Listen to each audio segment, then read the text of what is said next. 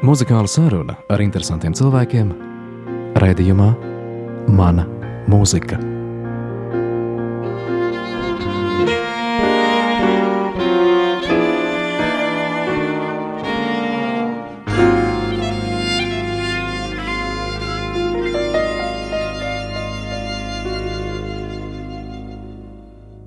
Esiet sveicināti redzējuma Mana mūzika, interesanto cilvēku galeriju. Šodien papildinās vēl viens. Un tā ir arhitekta Linda Leitāne Šmītberga, kura ir mūsu redzējuma viesņa. Un vaicāšu uzreiz, kurā kategorijā, ja tādas vispār jūsuprāt ir, jūs varētu sevi iedalīt attiecībā uz mūziku. Jūs esat vienkārši mūzikas mīļotāji, jūs esat eh, varbūt nenotikusi mūziķe, varbūt ar muzikālu izglītību un lielu vēlmi kādreiz būt mūziķei vai vienkārši mūzikas baudītāja, ar sirdi un dvēseli izjutēja. Ja reiz esat raidījuma mana mūzika, es varētu dēvēt sevi drīzāk par mūzikas mīļotāju un baudītāju, un par diezgan cieši saistītu ar mūziķiem. Mans vīrs ir diriģents un mākslinieks valsts akadēmiskajā korī Latvijā, un savukārt viņa tēvs, mans vīra tēvs, ir komponists Vilnis Šmīnbergs, un vienu no viņa ierakstiem mēs dzirdēsim arī vēlāk. Tā kā jā, man var pieskaitīt pie mūzikas mīļotājiem.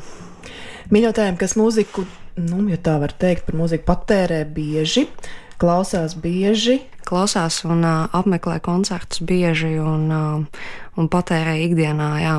Šajā redzējumā vairāk kārt ciemiņi ir bijuši arhitekti. Vai tas varētu būt tāds vispārinājums, ka arhitektiem mūzika nav sveša pasaule. Domāju, ka viņi saistīti ar mūziku gan paši kā izpildītāji. Šeit arī sarakstā ir grupa Pink Floyd, kur daži no dalībniekiem ir bijuši arhitekti, bet savu darbību ir saistījuši vairāk ar mūziku. Tāpat Latvijā ir pietiekami daudz zināmu arhitektu. Andris Kronbergs burvīgi spēlē saksofonu. Nu jā, bet es neizpildu, man patīk klausīt citu izpildītāju. Bet, kad jūs esat starp arhitektiem un pieņem, ka tā ir tā jūsu kompānija, kurā visbiežāk uzturaties. Vai kādreiz sanāk sarunas arī par mūziku, par to, kas ir dzirdēts, par to, kas varbūt ir redzēts, apmeklēts, par kaut kādiem jaunākiem iespējām, vai varbūt arī, kas to lai zina, kavēšanās pagātnē, muzikālajā to starp?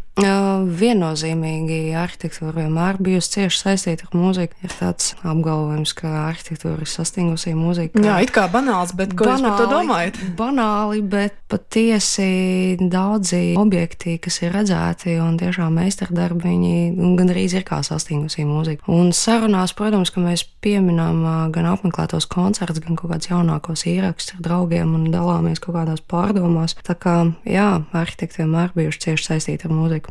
Bet jums pašai muzikāla izglītība vai dziedāšanas pieredze kādā korī vai dejošanas nav? Uz šo jautājumu vienmēr atbildu ar to, ka arī mūzikas klausīšanās ir tieši tikpat smags darbs kā izpildīšana, jo, piemēram, apmeklējot koncertus, pēc tam vienmēr um, ar um, vai nu izpildītājiem, kas ir bijuši koncertā, vai nu arī ar um, biedriem, kas ir gājuši līdzi, vienmēr tiek analizēti tie principi, pēc kādiem komponists, piemēram, savu darbu ir rakstījis, uh, kāds ir bijis izpildītāja mākslinieks, kāds ir bijis diriģenta darbs, vai vienkārši pēc rockgrupas vai pop koncerta apmeklējumu. Tieši tādā pašā veidā tiek um, analizēti šie darbi. Un, uh, es domāju, ka tā līdzība starp uh, mūziku un arhitektūru ir uh, nepārprotama jūtami cieša, jo tie vispār pieņemtie estētiskie, kompozicionālie vai, vai skaistu metālonu principi ir līdzīgi.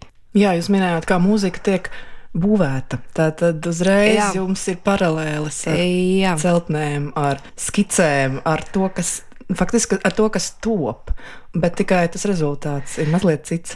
Rezultāts ir ātrāk redzams, un tas ir tas, kas ir galvenā laikam atšķirības starp arhitektūru un mūziku. Tu vari to uzreiz sajust, vari uzreiz klausīt, un nav jāpaiet pieciem, desmit gadiem, lai tu redzētu to rezultātu. Reizēm pat arhitektūrā to rezultātu nekad arī neredz. Tas viss paliek kā skice. Bet atkal tas paliek, ja paliek. Un mūzika savukārt var būt tikai vienreiz noskan un izgaist un paliek tik atmiņās, ja vien nav piefiksēta, ierakstīta. Jā, Un līdzīgi kā arhitektūrā reizēm ir labi, ka daži objekti netiek uzbūvēti, tāpat arī mūzikā, ka daži darbi tā arī paliek vienā ierakstā. Lai gan ir reizēm ļoti žēl, ka daudzi no tiem ierakstiem tiek atskaņoti tikai vienreiz. Tas pats arī, kas skanēs, būs um, dzenīšu dauga un bija tikai trīs izrādes. Man liekas, viens no tiem retajiem cilvēkiem, kas uz visām ir bijis. Un tiešām ir žēl, ka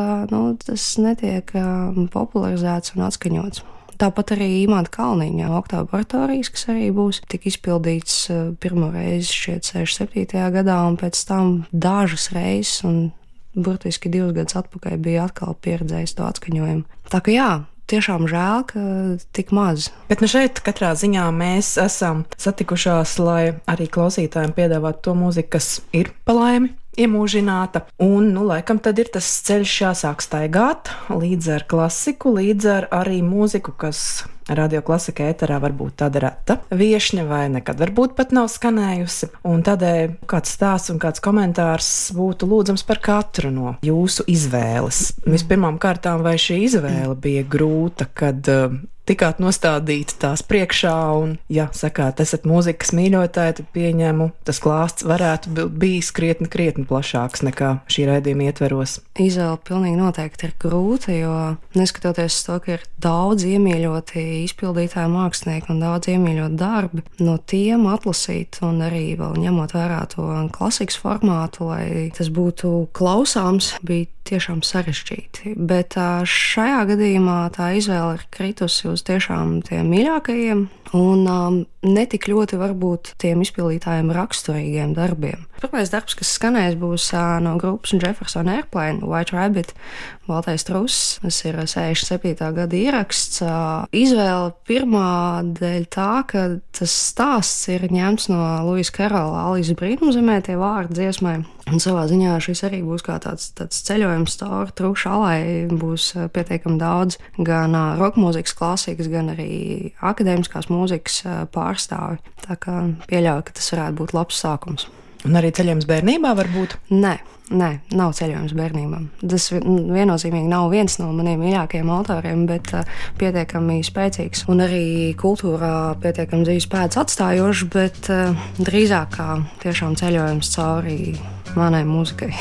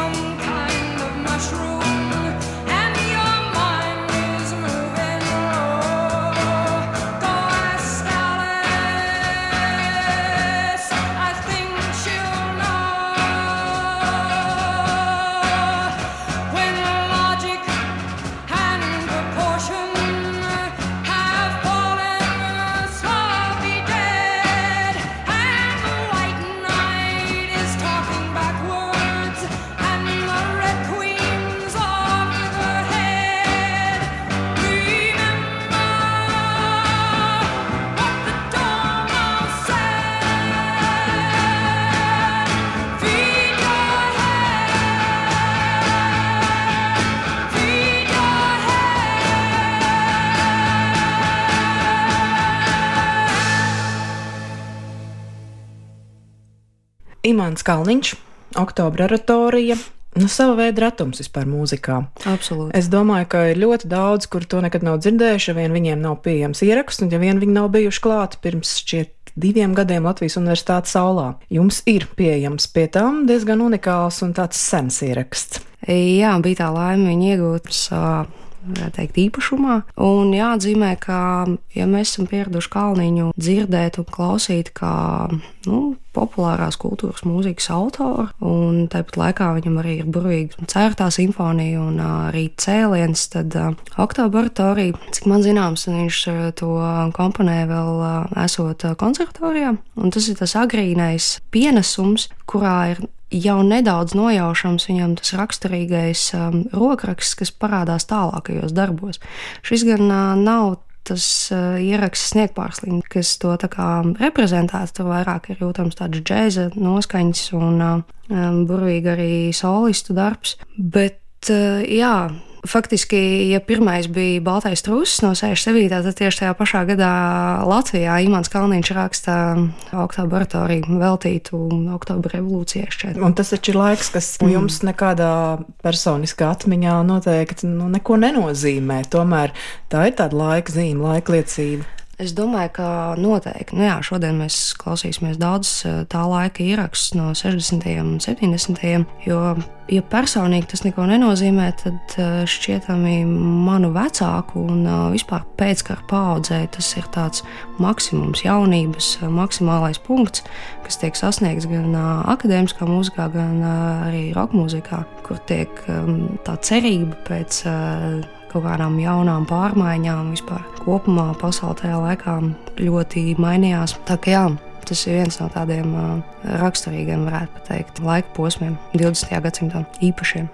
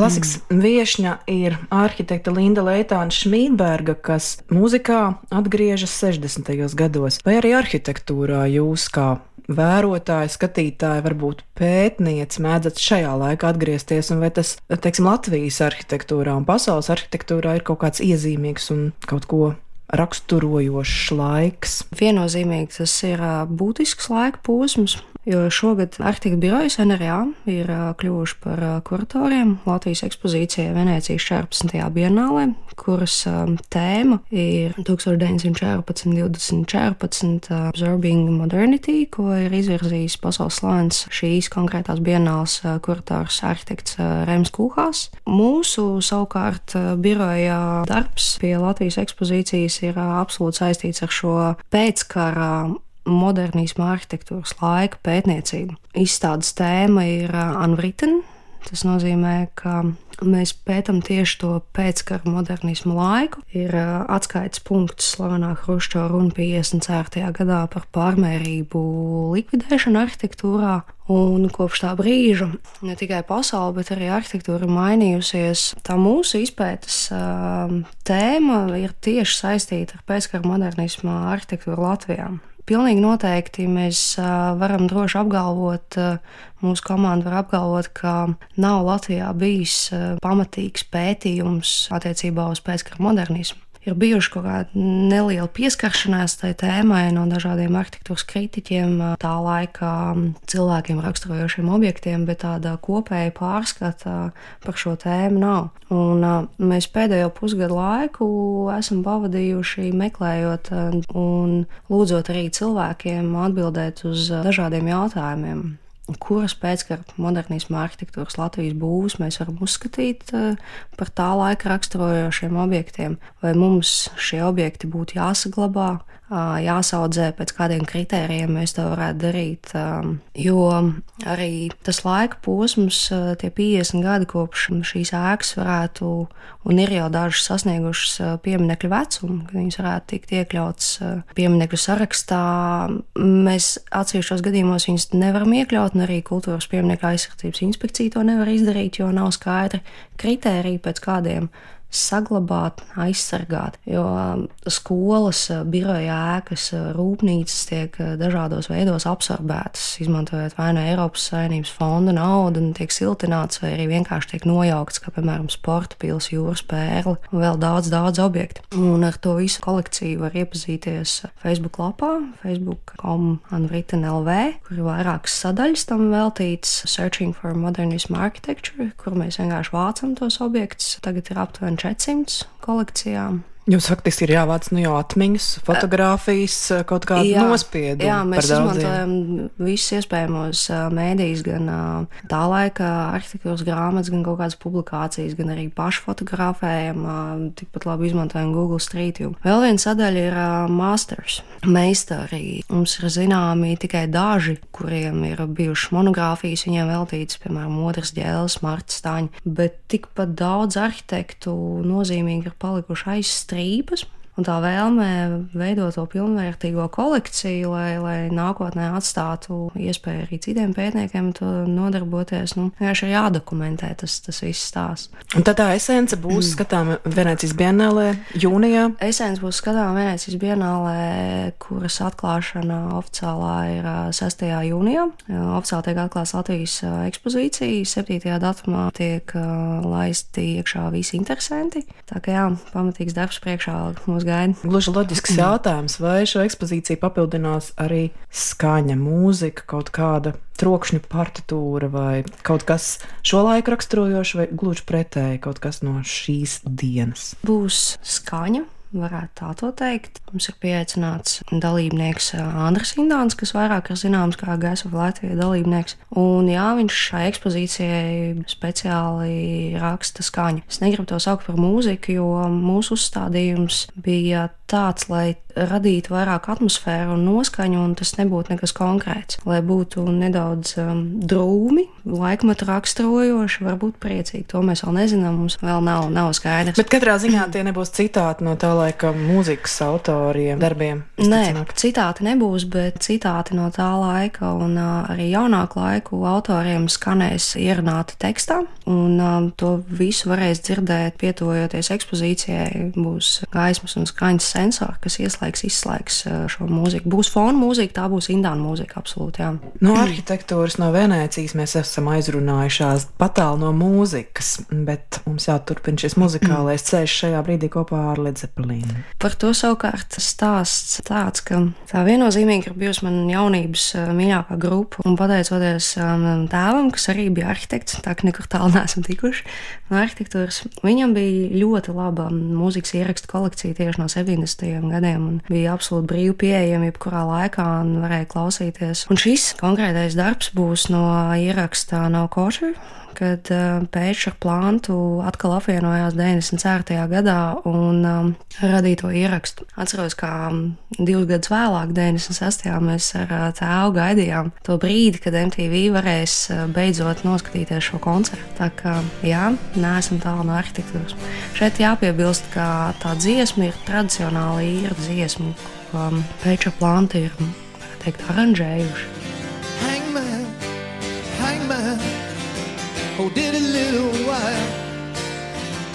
Think I see my friends coming right in a mile.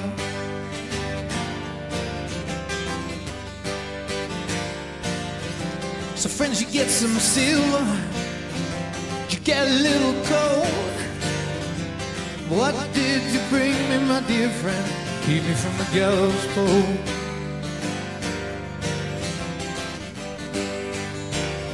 What did you bring me? Keep me from the gallows pole.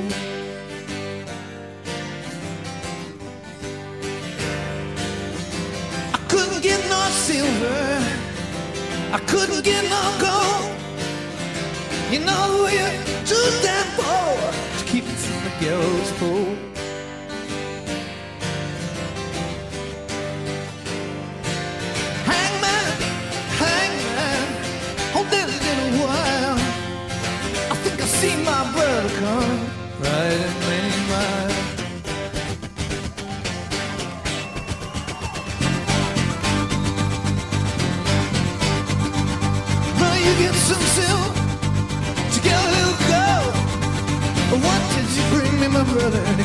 The gallows pole. Now, brother, I bought you some silver. I bought a little gold. I bought a little everything to keep from the gallows pole. Linda, jūsu sarakstā nav Mocarta, nav Baha, nav Beethovena, bet ir, piemēram, Ligetī. Vai tiešām tā ir mūzika, kas arī skan jūsu darbnīcā, jūsu darba fonā, ikdienas fonā? Maz ticams, ka tā. Tas tiešām ir maz ticams, jo tas darbs tika izvēlēts tā iemesla dēļ, ka ir ļoti mm, izcila Stanley Kubrika filma 2001. gada kosmosa odiseja, kur šis darbs arī skanēja. Un šī filma ir atstājusi nu, neizdzēšamas tādas pēdas, varētu teikt, apziņā. Jo to es arī skatījos jaunībā, pirmo reizi noklausoties bija un noskatoties, bija jā, tiešām spēcīgs iespējas. Īpaši, ka zinātniskā fantastika arī man ir ļoti mīļa tēma, un tas um, absolūti ierakstījās filmas kopējā noskaņā. Skatoties filmu, jūs zinājāt, kas skan, ja pēc tam meklējāt un atradāt? To es noskaidroju diezgan ātri, jo man bija mājās grāmata um, par uh, to, kā tika veidot Kubrika filma. Tā kā tas ir diezgan ātri noskaidrojams. Jā, bet uh, tur bija stāsts savukārt, ka Ligitīna nemaz nezināja, ka tiks iekļauts šis konkrētais darbs. Un tikai vēlāk, noskatoties filmu, viņš Kubrikam atļāva izmantot mūziku, un tālāk arī filmās Shining un Acis plata aizvērts, kas bija Kubrika pēdējā filma, skanēja legitīma mūzika. Viņa ir absolūti fascinējoša, un kopā ar vizuālo tas ir absolūti tāds neaizmirstams darbs. Un vēl piedāvām to filmu es um, 2002. gadā skatījos Arsenālā, kas bija atklāšanas filma, un pirms filmas bija vēl spēcīgāks iespējas, jo uh, Normons Šnē ar uh, Ensemble Modern uh, izpildīja izpildīja darbu absolūtā tumsā. Bija redzams tikai un vienīgi lāzera starps, diriģenta rokā, un pēc tam spožas gaismas un aiziet pirmie kadri no filmas. šis noteikti ir darbs, kas ir um, jādzird. Tātad mm. šajā brīdī vien, protams, pavisam neliels fragments no Ligatīna Luksatērna.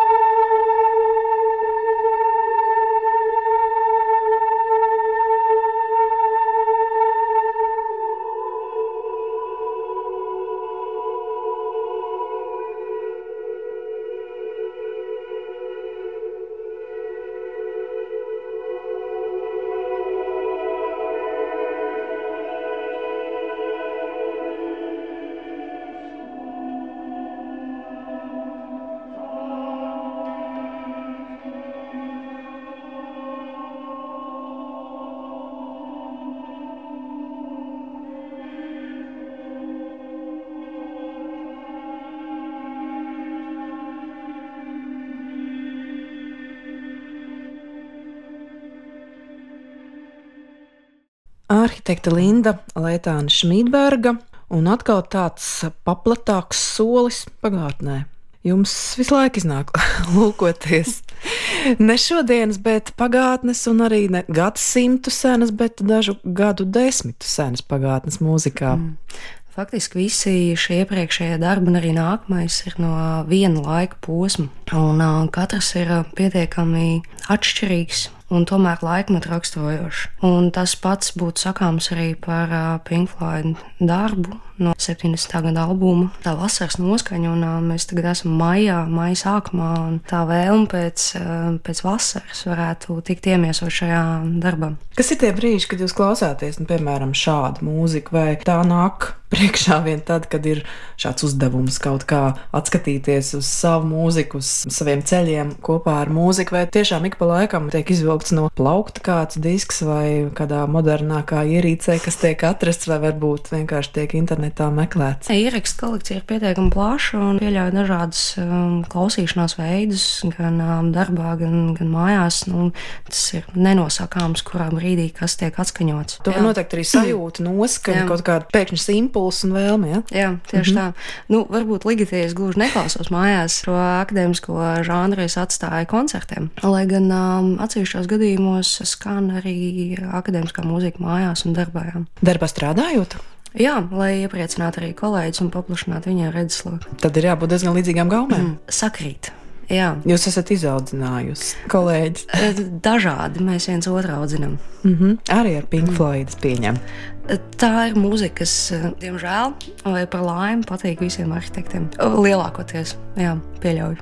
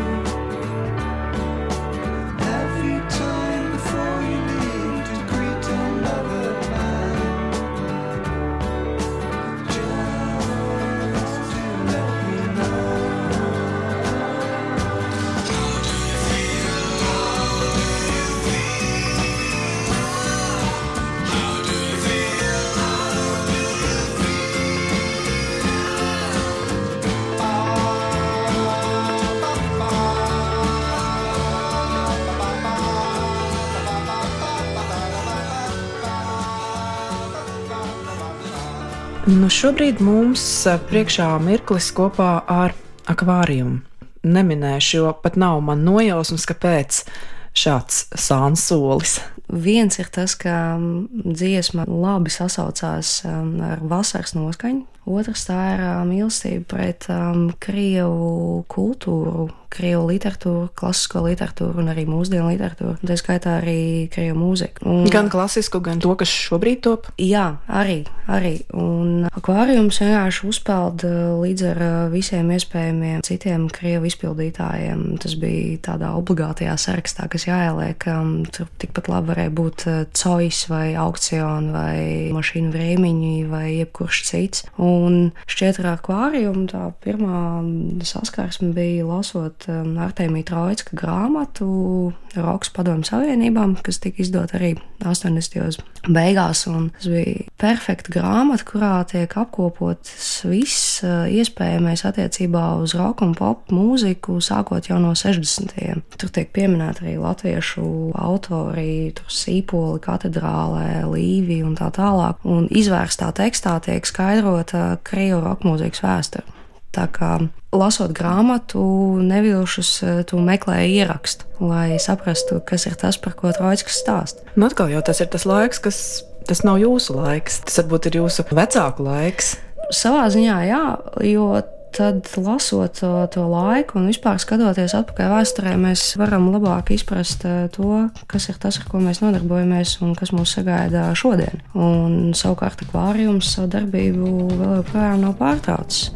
Viņi katru gadu pavasarī līdz ar gaiputniem ierodās Rīgā, un tā ir tradīcija. Un... Nu, tad mēs arī varam mazliet padējot uz pavasara robežas Tāncinā Garāņi viesnīgi kopā ar akvāriju. Сегодня днем я смотрел с крыши Сегодня ночью я буду жечь письма Камни в моих руках, камни, держащие мир Это не одно и то же Я мог бы написать эпос, но к чему рисковать камуфляжем? Мог бы взять холст и кисти, но это ничего не меняет.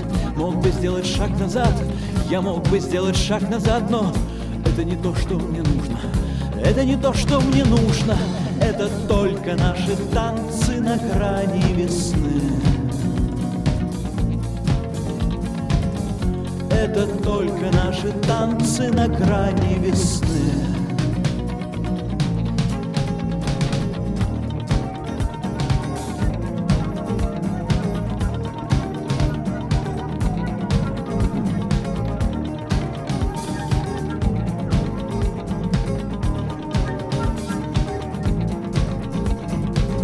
Я вижу твой берег, но что там блестит в кустах? Я видел что-то подобное в одном из видеофильмов. Я знаю твой голос лучше, чем свой. Но я хочу знать, кто говорит со мной. Я мог бы остаться целым, но это не в правилах цирка. Мог бы остаться целым, но это не в моих свойствах. Мог бы признаться в любви, я мог бы признаться тебе в любви. Но разве ты этого хочешь? И разве это что-то меняет? Это только наши танцы на грани весны. Это только наши танцы на грани весны.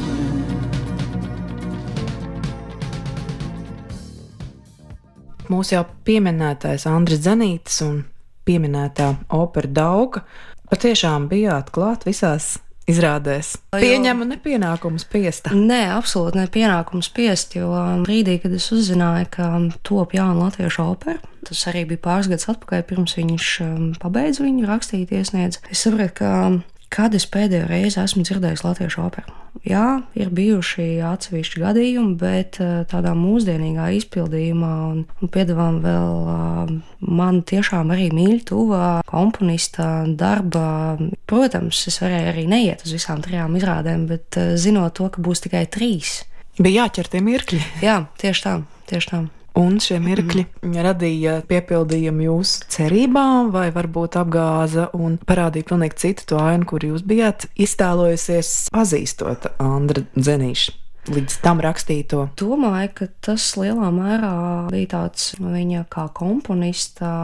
Neteiksim maksimums, bet jā, lielākais piesātinājums. Un pēc pirmizrādes mēs tieši tajā laikā birojas Menerijā gatavoja konkursu Rīgas pasažieru terminālim. Burtiski bija palikuši divas nedēļas līdz nodošanai, un uh, bija nepieciešama sajūta, lai varētu sagatavot vizuālo materiālu. Tas ir tas, ar ko es ikdienā nodarbojos. Dauka un pasažieru termināls. Jā, jūras tēma un ar uh, Katrīnas Neiburgas uh, scenogrāfiju. Tā sajūta un tā mūzika guva to sajūtu, ko es varēju savukārt pēc tam pārlikt citā, tieši vizuālajā materiālā, kas tika nodots konkursā, kuru mēs vinējām. Jā, tā kā paldies Zenītam un Daugai. Ir vēl kādreiz gadījumi tādi, kad mūzika ietekmē kaut ko tik ļoti konkrētu un tieši jūsu darbā. Jā, tas bija kaut kādā agrīnā periodā, kad klausoties vairāk vai mazāk vienu to pašu ierakstu, tā noskaņa un tas, tas darbs veicās raitāk un ātrāk. Un jā, tas ietekmē arī to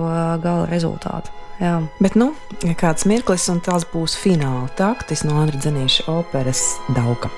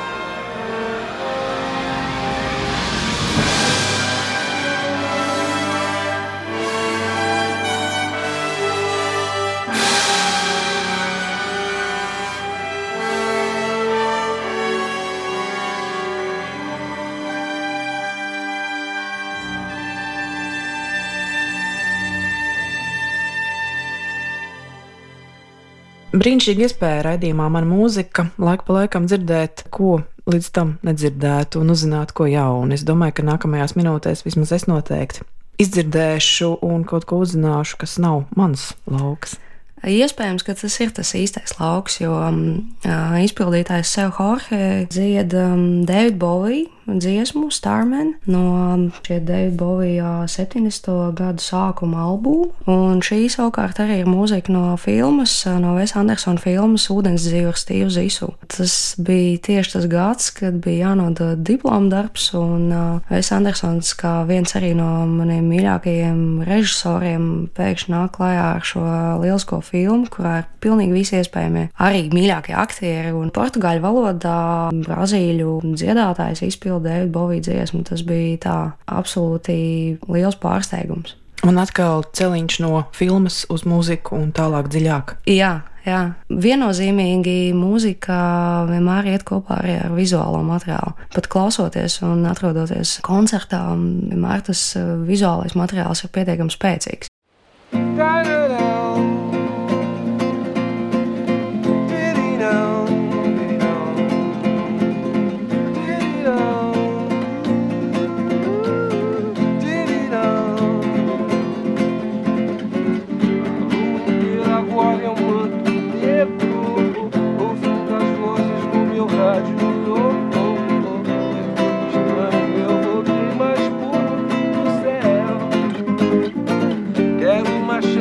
pra quebrar o gelo. Quero acordar do sonho agora mesmo. Eu penso tentar viver sem dor. Sempre estar lá e ver ele voltar. Não era mais o mesmo, mas estava em seu lugar. Sempre estar lá e ver ele voltar. O tolo teme a noite, como a noite vai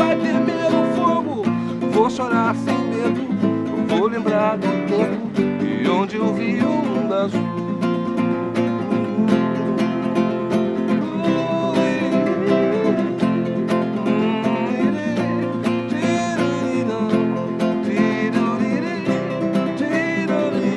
A trajetória escapa sempre igual. O som das vozes no refrão normal. Tudo estranho, eu voltei mais do céu. Quero um machado pra quebrar o gelo. Quero acordar o sonho agora mesmo. Uma chance de tentar viver sem dor. Sempre estar lá e ver ele voltar. Não era mais o mesmo, mas estava em seu lugar. Sempre estar noite, como a noite vai temer o fogo. Eu vou sonhar sem medo, eu vou lembrar do tempo de onde eu vi o mundo azul. Estar lá e ver ele voltar. Não era mais o mesmo, mas estava em seu lugar. Sempre estar lá e ver ele voltar. O tolo teme a noite, como a noite vai temer o fogo. Eu vou chorar sem medo, eu vou lembrar onde eu vi o mundo azul.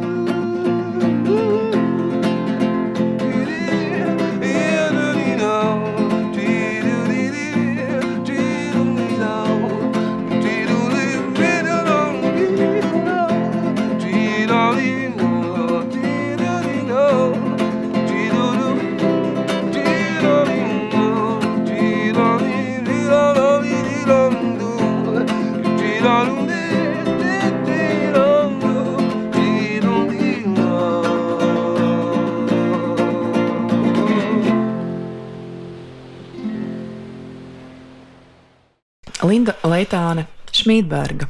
Un droši vien būtu pavisam dīvaini, ja no viņa Šmītberga kas neieskanētos. Vai šeit eh, tās radniecīgās saites vai tās muzikālās un sajūtas saites tomēr ir noteicošās, mm. kāpēc skanēs eh, brīdis no altsakfona koncerta? Domāju, ka gan, gan. Lai gan uh, radniecībai šajā gadījumā ir mazāka nozīme. Tas ir viens no arī maniem favorītu uh, koncertiem, kas uz jautājumu, vai kaut kas mājās skan. Ik pa laikam, tad jā, šīs alta saksofona koncerts, kas šogad tika nominēts Lielai mūzikas balvai, arī bieži skan. Un ikdienā reizēm tiekoties ar vīru tēvu, sanāk, protams, runāt par mūziku un analizēt. Viņš jautā, kā izklausās kaut kādas lietas, un mēs arī laikam apmeklējam koncertus un tiek analizēti tie visi darbi. Tā kā savā ziņā tas um, man pēdējos gados ir uh, nu, tāds arī patīkams pienesums, arī atklājums. Un uh, vēl šeit būtu jāmin tas, ka es gribēju ievietot uh, kādu arī koncerta vai vienkārši ierakstu no, no viņa dibinātās roka grupas katedrāla. Viņš bija viens no dibinātājiem kopā ar Šimkus, kas vēlāk pārtapa par sīpoliem, bet, uh, diemžēl, neviens ieraksts no katedrāls nav saglabājies. Ir uh, tagad divas dziesmas uh, ierakstīts no jauna, bet nav zināms, vai viņas var izpildīt radio. Jā, nu lūk, atkal tas mūzikas gaistošais fakts, sava veida tāda bēda katrā ziņā noteikti. Jo... Nu jā, un vēl jāpiebilst, ka lielākā daļa no tiem autoriem, kas šodien skanēja, viņiem ir arī ciešas saiknes gan ar klasisko, gan akadēmisko mūziku. Un, iespējams, ja Vilnis nebūtu dibinājis to roka grupu un tā viņa mīlestība pret roka mūziku kopumā, iespējams, tie darbi skanētu arī savādāk. Jo vienmēr jābūt kaut kādam nervam, un tas tas ir tas, kas laikam ir visnoteicošākais tajā izvēlē. Nervam, ko sajūtat jūs klausoties, un nervam, kas acīm redzot arī muzikas tapšanā ir ielikts. Tieši tā. Tu nevari nejust. Jā, jā, un tu redzi, cik cilvēks patiesi ir um, izturējies pret um, to savu darbu, vai nu rakstot, vai nu izpildot. Un tikpat labi tas izpildījums nebūtu no sirds un uh, neskan. Jā. Bet šajā mēs noteikti jūtam to, ka tas ir nācis no sirds, mm. un daudzu sirdis arī atradis brīdis no Viļņā Šmitberga alta saksofona koncerta.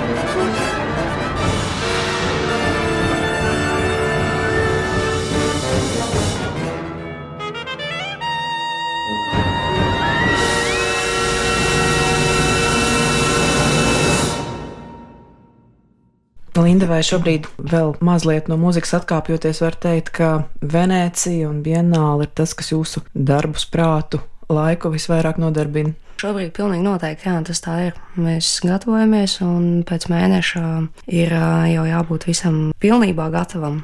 Un Nu jā, pēc mēneša arī būs tā atklāšana. Un, protams, ka mēs gatavojam gan ekspozīciju, gan arī ekspozīcijas pavadošo daļu, kas būs apjomīgs katalogs kuram grafikas dizainu nu, rada Kirillis Karasīrovs. Katalogā būs apkopots tas, kas um, mums ir pieejams, visu materiālu attiecībā uz modernismā ēkām un to absorpciju meistariem.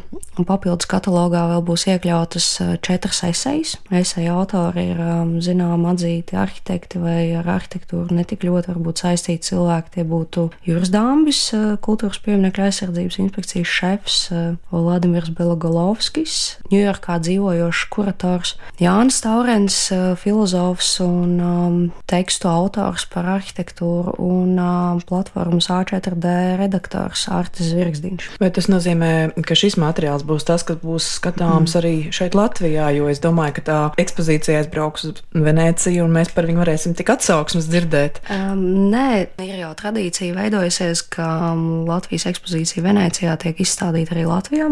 Es pieļauju, pieļauju, ka pēc novembra, jā, jo Venecijas dienāla ir aptuveni pusgadu. No jūnija līdz novembrim, un visticamāk, ka mēs 15. gadā varētu sagaidīt šo pašu ekspozīciju arī visticamāk jaunajā Nacionālajā bibliotekā.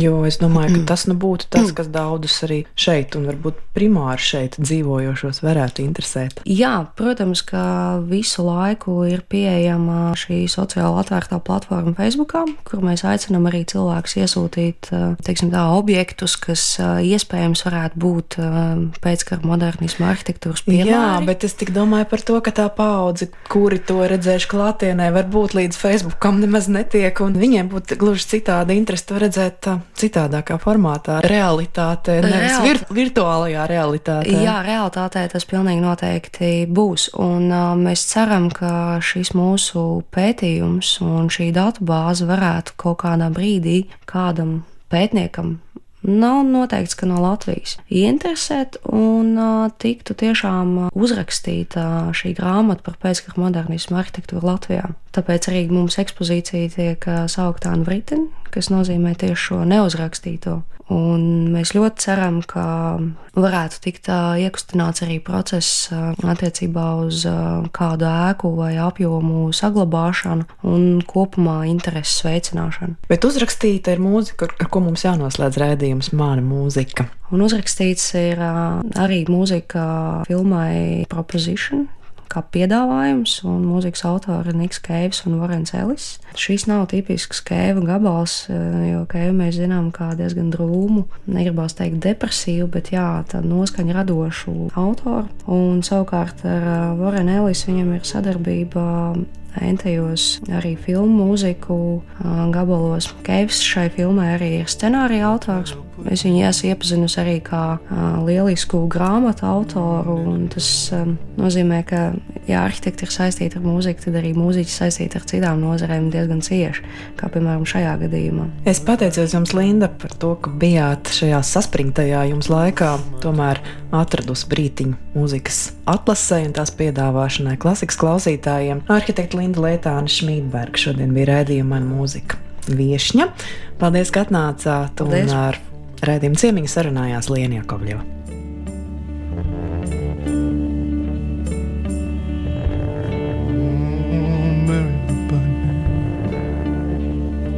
Down the line.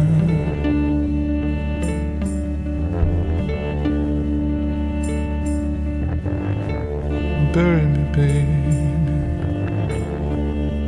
down in the sand.